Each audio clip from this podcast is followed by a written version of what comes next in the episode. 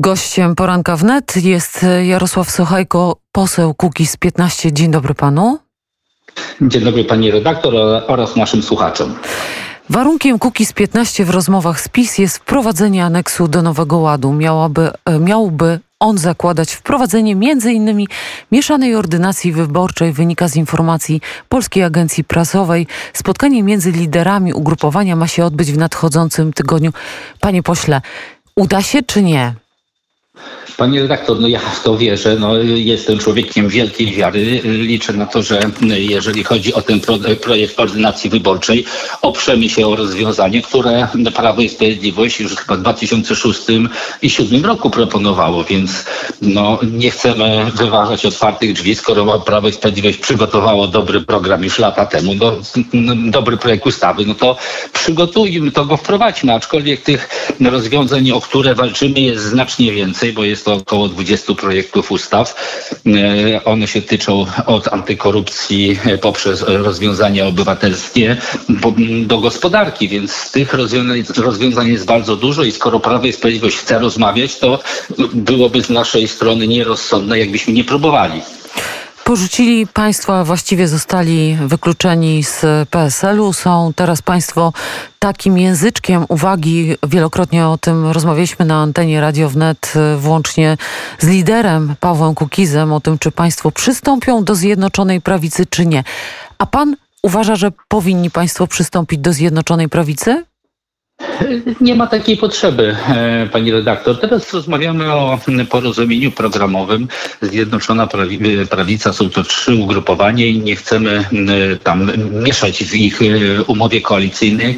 Na, zależy na tych rozwiązaniach, które opracowaliśmy w ubiegłej kadencji, które w naszej opinii, ale i w opinii wielu ekonomistów są potrzebne do wprowadzenia w Polsce, ponieważ jesteśmy na 25. miejscu w Europie pod względem wolności gospodarczej. Naprawdę jest jeszcze bardzo dużo do zrobienia, żeby uwolnić ten potencjał, który drzemie w Polakach w, w zarabianiu pieniędzy, bo cały czas no, nie możemy się oglądać, że ktoś nam da albo nie da, albo powiąże to z tą mityczną praworządnością, za którą zostaliśmy wyrzuceni z koalicji polskiej, nie z PSL-u, bo przypomnijmy tak, sobie, że, Użyłam skrótu. że tak, że no to właśnie PSL użyło takiego fortelu, żeby nie spełnić e, umów e, przedwyborczych, e, bo my wówczas poparliśmy uchwałę, która wzmacniała mandat premiera Mateusza Morawieckiego właśnie w negocjacjach, aby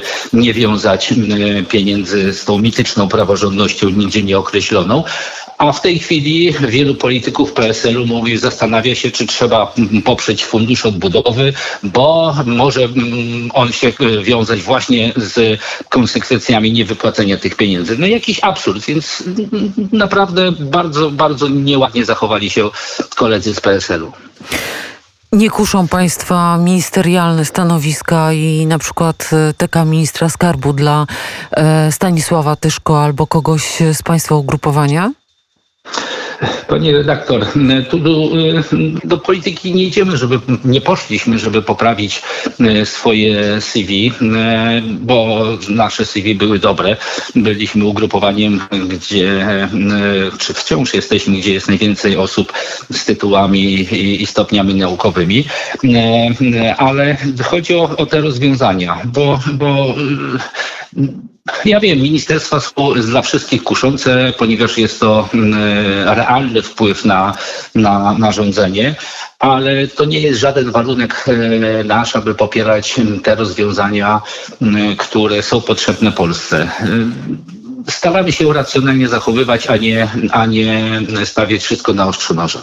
Znalazłam informację o tym, że rozmawiał pan e, między innymi z ministrem Schreiberem w sprawie kon uprawy konopi, łatwiej, łatwego dostępu do e, uprawiania konopi medycznej, ale miał pan się też spotkać z ministrem Schreiberem w sprawie ustawy dotyczącej referendów lokalnych, która miałaby ułatwić ich organizację i przeprowadzenie, żeby referenda odbywały się w ważnych sprawach dla lokalnych lokalnej społeczności. Jakie były efekty i czy udało się panu spotkać?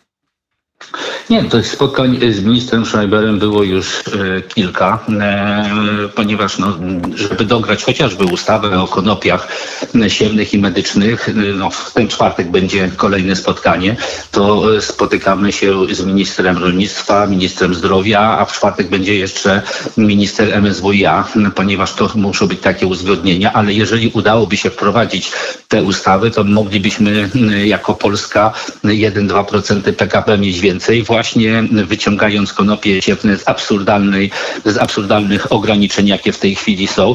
Jest to jedna z najbardziej opłacalnych roślin na świecie, tylko niestety nie w Polsce, bo właśnie mamy takie e, nie, nieżyciowe e, rozwiązania.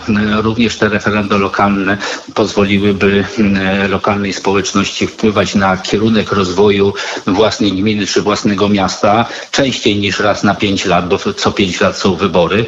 Y, byłoby fantastycznie, jakby w połowie kadencji w całej Polsce właśnie w jednym terminie odbywały się takie referenda lokalne w ważnych sprawach dla lokalnej społeczności.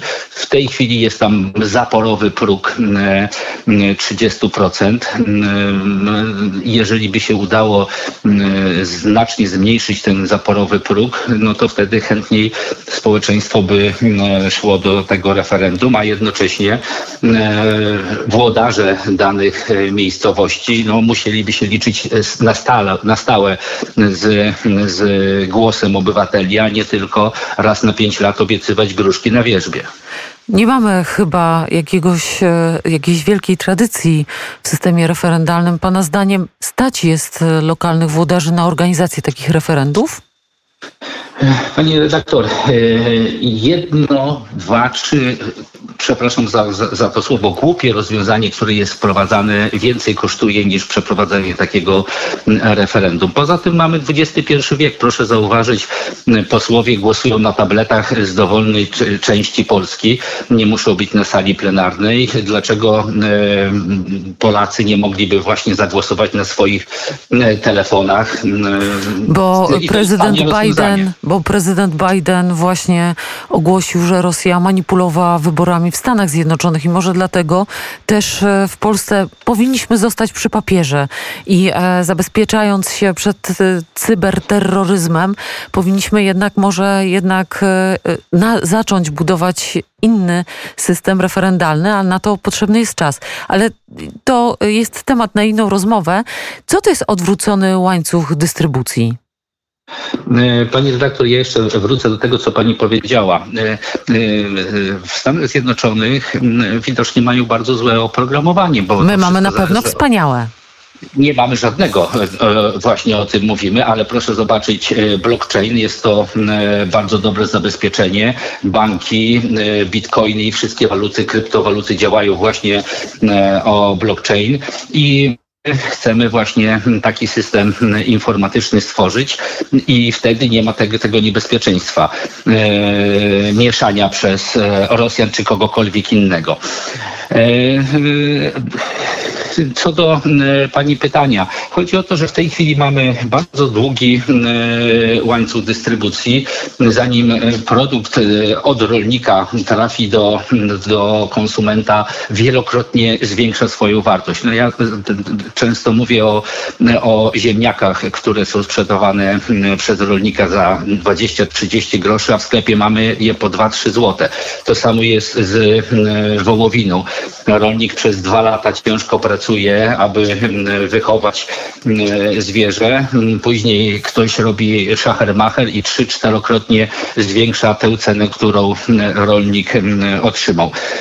Poza tym mamy problem z małymi gospodarstwami, które są notorycznie wypychane z rynku i tutaj też liczymy na, na to, że Prawo i Sprawiedliwość zgodzi się na rozwiązanie, które funkcjonuje chociażby we Francji, że w zamówieniach publicznych preferencje właśnie mają lokalni rolnicy. We Francji jest to ponad 50%, musi być kupowane z lokalnego rynku żywności wysokiej jakości. I na to jesteśmy przygotowani i miejmy nadzieję, że Prawo i Sprawiedliwość zgodzi się na takie rozwiązania również w Polsce, bo to by dało dwie rzeczy. Po pierwsze, te małe gospodarstwa w końcu miałyby gdzie sprzedawać, bo, bo hipermarkety nie chcą kupować takiej żywności e, od rolników, a nam wszystkim konsumentom dałoby dostęp do, do zdrowej żywności wysokiej jakości, bo w tej chwili, jeżeli popatrzymy na skład żywności, którą kupujemy w supermarketach to tam jest całe mnóstwo dodatków żywieniowych, zjadamy ich. Różne są badania, ale od 2 do 6 kg,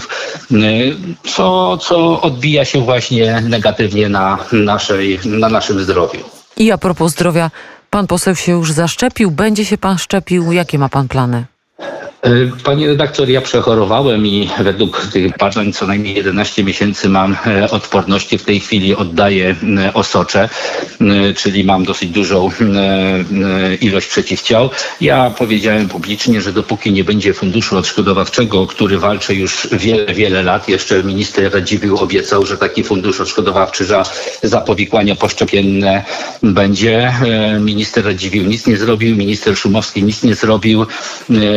Ja przygotowałem oczywiście taki projekt ustawy i w ubiegłej kadencji złożyłem do laski marszałkowskiej i jest on cały czas zamrożony. Y, teraz słyszymy, że mają, ma być taka ustawa, tylko ona już powinna być y, wdrożona, bo Polacy y, szczepią się w tej chwili masowo. A no, powikłania są, tak jak po wszystkich innych lekarstwach, nawet po suplementach mogą być powikłania. Tak samo i po szczepionce są te powikłania i jeżeli byłby taki fundusz odszkodowawczy, to Polacy byliby spokojniejsi, że w razie jakiejś tragedii mniejszej lub większej e, nie, nie pozostaną e, pozostawieni sami sobie. Więc pan będzie ze szczepieniem czekał. Dziękuję panie pośle, bo oczywiście czas nas goni. Wszystkiego dobrego życzę. Jarosław Sochajko, Kukiz 15 był gościem poranka wnet. Dziękuję również. Teraz dla państwa David Bowie.